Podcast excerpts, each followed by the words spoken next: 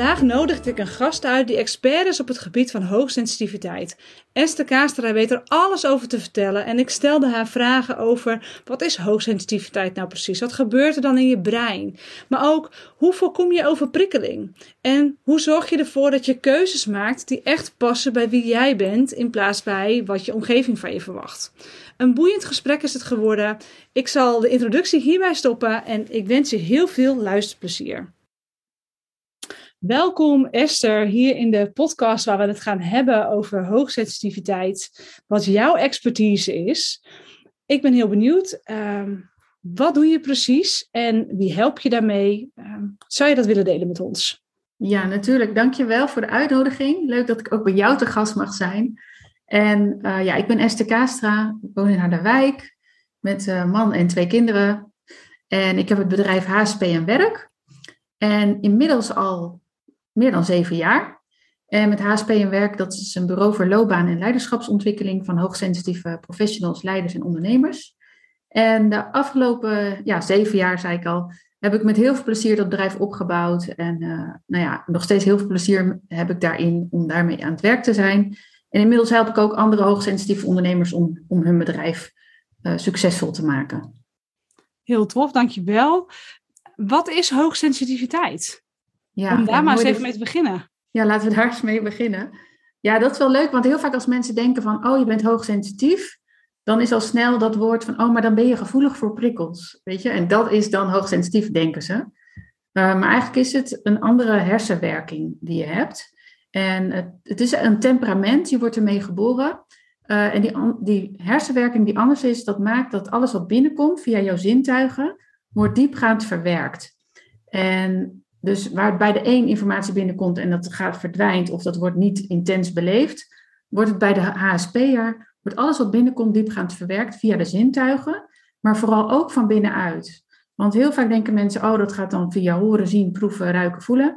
Maar van binnen gebeurt ook een hele hoop. Uh, bijvoorbeeld als je pijn hebt of als je verliefd bent of nou, bepaalde gevoelens van binnen of ruimtelijkheid, dat ervaren, heeft ook weer allemaal te maken met uh, ja, intenties die jij ervaart en die bij jou allemaal samen, uh, dat kan te veel zijn, maar als je het juist managt en het is op, in de goede balans, kan het heel positief zijn. Kan je er heel veel uh, dingen in ervaren die heel prettig zijn. Ja, en dat positieve ervaren, dat is de uitdaging. Om ja, als talent in te zetten. Ja. Nou, ik heb heel veel klanten die dat herkennen van die overprikkeling. En die dan zeggen, ja, ik, ik, heb, ik heb heel veel last van die prikkels. Mhm. Ehm, dus mijn hoogsensitiviteit is een last. Hoe ga ik daar dan mee om? Daar heb jij volgens mij uh, wel wat uh, ideeën bij. Ja, klopt. Ja, ik vind altijd, als je zegt van ja, al die prikkels en ik kan er niet tegen, dan kan ik misschien een koepel om me heen visualiseren. Dan kan ik overal heen en dan heb ik nooit meer last van prikkels. Nou, dat zou wel het unieke zijn, maar dat is helaas niet zo. Zo werkt het ook gewoon niet. Het heeft heel erg te maken met uh, zelfkennis. Allereerst met begrijpen wat hoogsensitiviteit is, wat het voor jou betekent. Uh, maar dan ook kijken, oké, maar wat heb jij dan nodig? En het, is niet zo dat jij alleen maar hoogsensitief bent en dat is dan het stempeltje waar je het mee kan doen en dan alle wijsheid in pacht hebt en je leest een paar boeken en that's it. Want je hebt ook nog weer allerlei variaties daarbinnen, kunnen we het zo over hebben. Um, en dan is het dus belangrijk dat je gaat kijken van oké, hoe kan ik mijn werk en leven zo inrichten dat mijn hoogsensitiviteit in je voordeel, dat je het in je voordeel kan benutten. Uh, en dat realiseren, dat noem ik sensitief leiderschap. En ja, dat gaat over zelfkennis, maar ook de stappen nemen om het voor jezelf te organiseren zodat het matcht. En dat je daarbij ook uh, stappen zet waarbij je soms ja, een ander er ook iets van kunt vinden, maar dat je dan toch het doet om voor jezelf te zorgen. Ja, zonder mooi. egoïstisch te zijn. En zeg je dan eigenlijk op het moment dat iemand die overwhelm voelt van al die prikkels, mhm. dan ja, is je leven niet helemaal zoals het zou kunnen of moeten zijn, zoals je het liefste van binnen wilt? Ja, ja. Je kan, het zijn eigenlijk twee dingen. Of je zit, in een, je zit in een situatie bijvoorbeeld die heel erg overweldigend is, overprikkelend, omdat er bijvoorbeeld continu mensen binnenlopen en je moet heel veel werk doen in korte tijd. Uh, dat het overprikkelend is. Daarnaast kan het ook weer onderprikkelend zijn tegelijk, omdat het bijvoorbeeld werk is wat niet op niveau is. En wat ook kan zijn, uh, is dat je ook continu getriggerd wordt op oud, oud zeer eigenlijk. Wat juist als HSP nog weer intenser kan zijn, omdat je gevoeliger bent voor trauma eigenlijk. En trauma vind ik altijd een heel heftig woord. Maar je hebt gewoon misschien meer bondjes en die sneller open kunnen gaan. Oh ja. Littekentjes. Ja, ja. Ja, dat is ook wel hoe ik ernaar kijk. Dat op het moment dat je voelt van, hé, hey, die overprikkeling is er. Uh, nou, je weet, ik ben zelf ook uh, hoogsensitief. Uh, dan is het eigenlijk een teken dat je of te veel in je hoofd hebt gezeten en dus heel veel prikkels zelf hebt gecreëerd. Ja. Of niet helemaal in alignment bent. Ik merk dat ja. ook als het moment dat ik denk, oké, okay, het loopt niet helemaal zoals ik het wil in mijn bedrijf. Ehm, en dan, dan, ik geloof dat je zei van, hè, sensaties zoeken, dat het type is wat dan weer bij mij past dat je op zoek gaat naar allerlei prikkels om maar toch dat ergens die vervulling te gaan voelen. Maar dat is natuurlijk Ja. moet beginnen bij die basis. Ben je dat bij me eens? Ja, klopt. Ja, je kan, doordat je aan het vervelen bent, eh, en, dan ehm, kan het zijn dat je gaat zoeken, dat, eh, dat noem je ook wel eens, hè, dat je in die zoekmodus komt. Ja, Eh, en dan er, zet je ook weer je stresssysteem aan. Eh, ja, en dan ga, loop je eigenlijk rond als een kip zonder kop, zeg maar. ja, Ja, en eh, dan kan het zijn dat je bijvoorbeeld nog meer prikkels gaat zoeken om, om maar niet te hoeven voelen. Terwijl je eerst inderdaad even stil hebt te staan om te kijken van oké, wat heb ik nu nodig? Hoe voel ik me? Hoe kan ik me ontspannen? Et cetera. ja. Ja, En die verschillende types, hè, kun je daar wat meer over nog vertellen? Ik vind dat wel heel interessant. ja. Nou, ik zeg altijd eh, hoogsensitief, weten dat je hoogsensitief bent, dat is één. Eh, maar dan binnen die hoogsensitiviteit heb je ook nog eh, jouw HSP-profiel, zeg maar. Het is belangrijk dat je dat eerst in kaart brengt. Dat is ook altijd waar ik mee begin met mensen. Ehm, je kan introvert zijn en extravert. Sensatiezoeker en niet-sensatiezoeker. Ehm eh, strong-willed of niet strong-willed, zeg maar. Hoogbegaafd is ook iets wat veel voorkomt bij hoogsensitieve mensen. En heb je nog een stukje beelddenken. En ook als je hoogbegaafd bent, kan je het wel bij, vaak beide. Eh, ben je echt die beelddenker, dan ben je al eerder soms vastgelopen in dat onderwijs bijvoorbeeld, omdat je veel met beelden denkt. Maar juist ook als ondernemer is het iets wat je heel goed kan toepassen om juist je creativiteit weer te benutten, wat je dan niet altijd doet. Maar nu wijd ik misschien iets te ver uit, want we begonnen met het HSP-profiel. Ja, nee, maar dat, dat is eigenlijk wat je dus zegt, is dat ehm, zo'n HSP-profiel, of je hebt wel meerdere profielen tegelijkertijd eh, kun je hebben, toch? Of is het altijd één over, is het, is het dan één of zijn het dan meerdere? Nee, nee. nee, je kan echt een mix van alles. Ik ben bijvoorbeeld Ja. introvert, een sensatiezoeker, hoogbegaafd en een beelddenker. En strong-will, dus ik heb ze eigenlijk allemaal. Ja, ja. Ja, en dus die En dat mix... leer je dan als het ware kennen, waardoor je ook snapt van, hé, hey, eh, ik moet dat allemaal aandacht geven of implementeren Ja. in mijn leven, Ja, voor Ja, je kan bijvoorbeeld bij één stilstaan van, joh, in hoeverre geef ik mijn introvert, de introvert in mij nu wat hij nodig heeft. Ja, En ook die sensatiezoeker, je kan eens denken van, oké, ik moet een nieuwe opleiding gaan doen, bijvoorbeeld, om de intellectueel in jou, intellect in jou te voeden. Maar het kan ook op hele andere gebieden, dat je meer contact met mensen nodig hebt, meer sensaties in ervaringen. Of dat je meer humor nodig hebt, of meer los moet komen van de alledaagse dag. Hmm. Ehm, ja, dat je weer de juiste stofjes aanmaakt om in balans te komen. ja, ik moet dan denken aan die momenten dat ik soort van in de verveling schiet. Mhm. En dan echt een soort van eh, zeer gefrustreerd tegen Jeroen, mijn man, zeg van... Ja, en ik wil meer avontuur en Oh ja. eh, het is saai en ik wil nu avontuur. En dan zegt hij ook van, nou, waarom ga je dan niet gewoon morgen ergens anders werken? Dat is ook avontuur? Dan denk Ja. ik, nee, ik moet dan, dan, dan in één keer ik de behoefte om eh, op reis te gaan in het vliegtuig, nou weet ik veel waar. Om, om een soort van weg te gaan van die verveling. Hè, van Ja. wat je zegt van, hé, ja, je ontwijkt dan eigenlijk wat je echt voelt. Uh, maar ook die behoefte is gewoon groot. Om uh, ja, het avontuur of zo. Uh... Ja, ik weet niet of je dan ontwijkt wat je echt voelt. Dat is wel, zijn twee verschillende dingen, denk ik. Aan de ene kant kan dat het zijn als je, als je helemaal niet meer naar je gevoel gaat. Maar je hebt ook als die sensatiezoeker juist die voeding nodig van zo'n nieuwe omgeving. Mm. Omdat je dan weer dopamine aanmaakt en dat geluksgevoel uh, ervaart. Want als je in de verveling bent, dan gaat je default mode network wordt actiever. Dat activeert je stressbrein. Dus verveling zorgt voor stress. Ja. En als je dan weer die nieuwe gevoelservaringen toevoegt, ja, dan uh, denk je, ach, wat had ik dat nodig? Ik, ik was bijvoorbeeld laatst uh, shoppen, ik hou er niet van, maar ik was laatst, had ik het echt even nodig dat ik in die, door die winkelstraat was, ging, hoe druk het ook was. En dat ik dan thuis kwam dat ik dacht, oh heerlijk was het. Terwijl als je dat dan te vaak doet, is het weer te veel, weet je wel? Ja, precies. Ja. Dus het gaat ook wel een beetje om balans en keuzes ja. maken. Ja. En hoe vertaalt zich dit dan naar de grotere keuzes in je leven? Bijvoorbeeld werk, bedrijf, relatie, ja. dat soort zaken. Ja, ehm, er zijn altijd zes elementen die belangrijk zijn, zeg maar, in je werk ehm, om werkgeluk te ervaren. En ik vind, als je gaat ondernemen, dat je er het best op kunt sturen.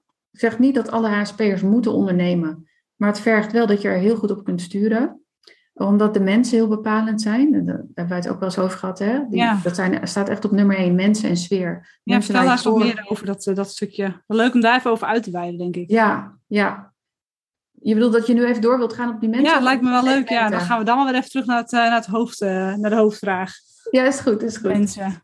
Ja, die mensen, ja, die kost, uh, als de sfeer ergens niet goed is, dan ervaar je dat. Uh, dat is de onderstroom die je heel goed aanvoelt. Hmm. En dat zijn wel de sensitieve mensen die dat aanvoelen. En die gaan dan op zoek met Sherlock Holmes syndroom, het Sherlock Holmes syndroom noem ik dat dan, van wat klopt hier niet? Ergens klopt er hier iets niet. Of we gaan het op zichzelf betrekken. Ja. Um, ja, en dan, dat heeft vaak te maken met de, het, de organisatiecultuur, de bedrijfscultuur, uh, nou, wat voor omgeving je ook zit. Maar ook de mensen waar je mee werkt, zitten die op jouw niveau. Ook als ondernemer, als je op een gegeven moment tien keer hetzelfde hebt uitgelegd, of met mensen werkt waar je van denkt: oké, uh, dit heb ik nu honderd keer gedaan, als dat al niet genoeg is, ja, dan heb je weer een volgende stap te zetten. Ja, daarom uh, hou ik ook heel erg van het high-end ondernemen. Omdat je gewoon elke kan kijken: oké, bij wie ben ik op mijn scherpst? Waar kan ik uh, zelf uitdaging ervaren en hoe kan ik die ander op zijn best laten functioneren, zeg maar. Ja. Ja, en dat is heel bepalend voor jouw werkgeluk als HSP'er, als hoogsensitief ondernemer. Ja, dus die vrijheid die vind je meer natuurlijk binnen uh, je onderneming. Maar goed, als je in een baan zit, kun je natuurlijk wel ook het deels zo creëren en aangeven en bespreekbaar maken. Ja. Dat je op een bepaalde manier werkt. En is dan bijvoorbeeld vrijheid een belangrijk iets? Ja, het is eigenlijk mensen, uh, taken, zingeving uh, uitdaging, zeg maar. Dat, is de dat zet ik dan op twee vaak. Uh, de omgeving, de context waar je in werkt. Vrijheid, autonomie, heel belangrijk. Je mindset. en de balans tussen geven en nemen. Ah ja. Belangrijk, ja. Dus dat gaat dan ook over ontvangen en jezelf voeden. Ja. En qua zelfzorg, wat, is dat dan verschillend per type? Of zeg je van nou, eigenlijk heeft elke HSP'er wel een bepaalde mate van zelfzorg nodig? En dan bedoel ik dan vooral even loskomen van alles. Dus niet uh, per se zelfzorg van uh, keuzes maken, want dat is ook zelfzorg. En, en, mhm. je leven inrichten zoals je wil is ook zelfzorg. Maar ik bedoel dan meer gewoon het opladen. Ja, ik denk elk mens heeft dat nodig. Um, maar je kan als HSP'er kan je gewoon heel goed sturen op ja, dat profiel of die elementen. Um, wat ik net zei, ja, die mensen, et cetera. Um, maar ook ja, als je echt goed voor jezelf zorgt en als je in een positieve omgeving bent, eh, of dat voor jezelf creëert, dan ben je in staat om tot grootste hoogtes, hoogtes te komen. Dat is zelfs bewezen vanuit onderzoek. Ehm, dat de niet-HSP'er, en ik ben niet, niet dat niet-HSP'ers minder zijn of wat dan ook, maar dat die gewoon best wel door, doorschieten in ontwikkeling, waar uh, de niet-HSP'er op een gegeven moment ergens blijft hangen, zeg maar. Uh, en HSP'er tijd heel goed onder positieve omstandigheden. Maar je kan dat niet laten afhangen van de ander. Dat heb je zelf te organiseren. Ja. En geloof je ook dat hier al een spirituele kant aan zit? Dat HSP'ers toch ook een bepaalde rol te vervullen hebben in het totale plaatje. Net als dat iedereen dat heeft, maar dan vanuit, dit, vanuit deze kant, zeg maar, gezien. Jazeker. Ik zeg altijd, je bent op de aarde gekomen als HSP'er, als gevoelige persoon. Met, uh, en niet voor niks. Dus het, is ook, ik voel, het voelt ook als mijn roeping om die mensen die dat hebben op de juiste plek te krijgen waar ze volledig tot hun recht komen. Dat, dat is waarom ik er ben, waarom ik het mag inzetten. Ja, mooi. Hoe ben jij zelf op dit pad terechtgekomen? Ja, Kun je daar nog wat over vertellen? Wat zeg je? Wat, wat, jouw achtergrond is, zeg maar, hoe jij tot jouw roeping bent gekomen. Want dat, daar ben je vast niet mee opgestaan dat je dacht van nou, ik ben 14 en ik word HSP-coach. nee. nee. nou ook, uh, ik was 23, 22, 23. En toen eh, kreeg ik een burn-out, een bore-out en RSI, alles tegelijk. Mijn lijf zei echt tot hier en niet verder, want ik was ook alleen maar vanuit mijn hoofd aan het leven, niet aan het voelen, aan het doorgaan, aan het bewijzen, de ander tevreden houden. Ja, wie ik was, ja, dat wist ik niet, zeg maar, want ik was voor de ander aan het leven. Hmm. Um, dus ben ik echt onwijs gecrashed. En toen ben ik in, die, in dat dal, ben ik, um, had, ik had ooit eens een websitepagina uitgeprint over hoogsensitiviteit. Dat is, dat is trouwens 17 jaar geleden. En dat heb ik toen maar weer eens bijgepakt toen ik thuis zat, terwijl ik mijn arm niet kon bewegen. En een boek besteld. En toen ben ik gaan lezen. Toen dacht ik, nou, het gaat over mij. En uh, dus daar ben ik me verder in gaan ontwikkelen. En ik ben echt heel erg teruggegaan naar uh, mijn gevoel. Wat geeft mijn lijf aan? Hoe kan ik daarnaar luisteren? Want je lijf geeft aan uh, wat je nodig hebt. Dat is ook jouw visie. Hè? Je, je ja. krijgt je, je, het wordt je gewoon verteld. Ja. ja. Je moet wel luisteren. Je moet wel luisteren, ja. ja. Het is ook dus- confronterend, hè? zeker op het moment dat je ja, je grens voelt en er toch overheen gaat en door blijft gaan. Ja, Er komt een keer een tijd dat je lichaam de grens bepaalt. Ja. Want dan gaat het over overleving en dan gaat het over, oké, dit, dit is de, grens, de, de stresstax of de, de, de, de grens van stress. Uh, tot hier en niet verder inderdaad. En niet dat iedereen, maar het kan hem ook, ook schieten in, in, in dingen als onverklaarbaar overgewicht en mist in je hoofd. En uh, hè, er zijn ook heel veel mensen die kunnen heel lang doorgaan zonder dit. Maar ik denk dat een HSP'er wat kleinere marges heeft in wanneer dingen te veel worden. En, en dan ook wel eerder aan de rem trekken. Mhm. Of dat het lichaam gewoon eerder aan de rem trekt. Want ik zie het ook wel vaak. Ik werk heel veel ook met, met HSP, uh, HSP'ers. Die hebben ook een gevoelig lichaam. Ja, klopt, ja. Ja, ja zeker. En um, maar ik denk ook door mijn uh, wilskracht en ook hoogbegaafdheid, wat ik later pas op zijn plek viel, ben ik wel een soort van uh, doorgegaan. Zo van de, de, de wilskracht was zo overroelend dat je gewoon niet naar het gevoel luistert. En je bent ook snel, hup, hup, hup, weet je wel. Dus dat gevoel, ja, dat komt er wel bij.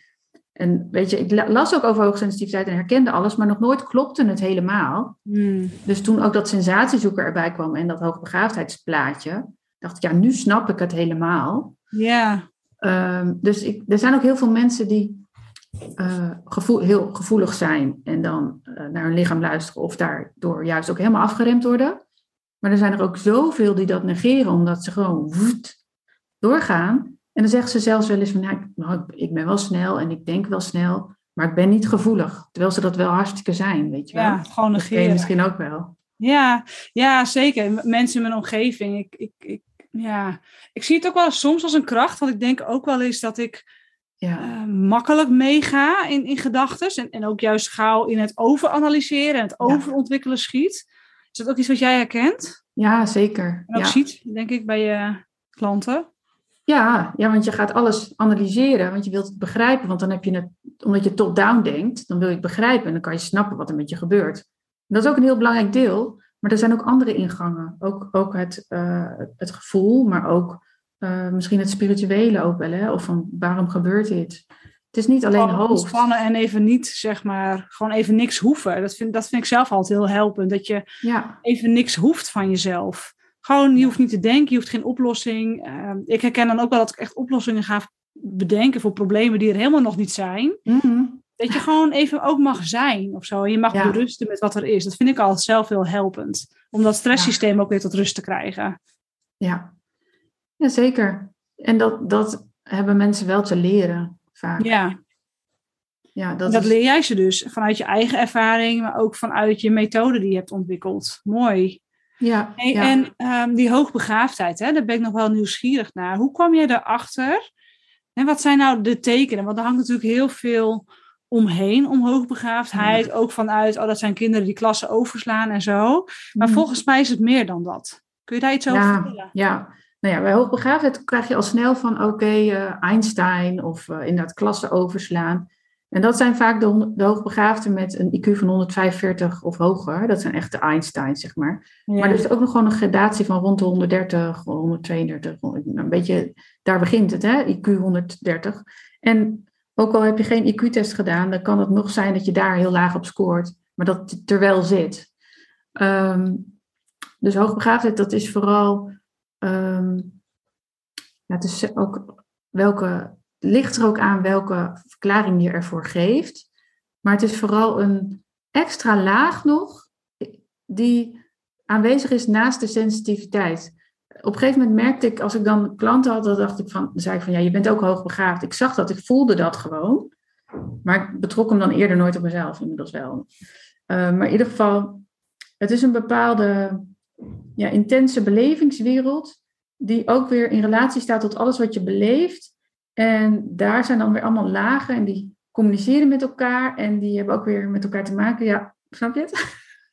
Nou, niet helemaal, maar uh, ik ben wel een beelddenker, dus je kan Ja, wel ja, ja, zien wat je bedoelt. Maar Ja, ik, ik denk altijd van, nou ja, als je, eh, het, het is meer vijfdimensionaal denken in plaats van eh driedimensionaal ja, denken. precies. Dus, dus eh, ja, oké. Ja, en ook juist dat zelfreflecterende vermogen, daar weer allerlei alles bij halen. Dat analytische, Ja, weet je?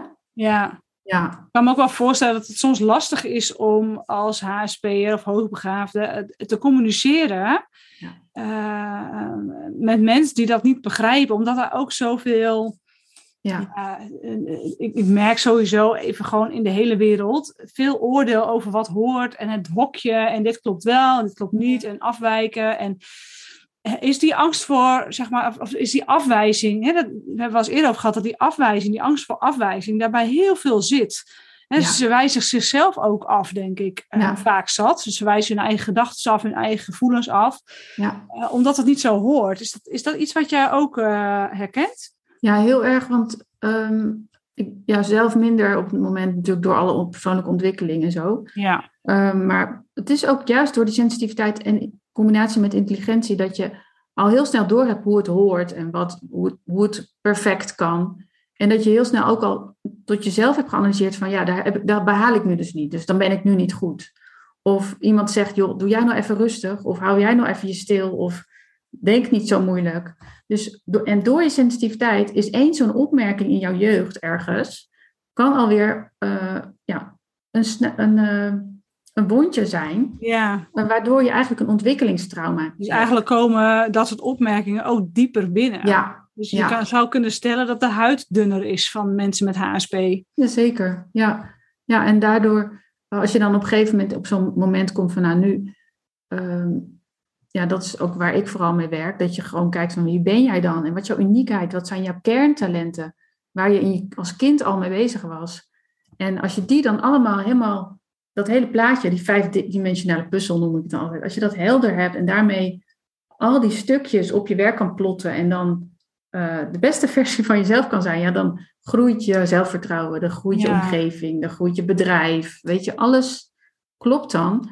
Want dan ga je leven vanuit wie je bent en niet vanuit wie eh, je de aangepaste versie van jezelf, en daar begon het over. Zie je, in mijn hoofd gaat het dan alweer alle kanten op. In ieder geval. Valt mee hoor, het is wel interessant. Ja, hè? Oh, Ja. gelukkig. In ieder geval, want wat er dus ook gebeurt, als jij denkt van oké, ik ben dus niet goed zoals ik ben, want dan krijg ik opmerkingen, dan ga je dus aanpassen. En vooral vrouwen zijn er heel goed in, mannen gaat het iets minder. Vrouwen zijn ook heel vaak dat je het niet weet dat ze hoogbegaafd zijn bijvoorbeeld en hoogsensitief, Mm. omdat ze zich zo hebben aangepast. ja.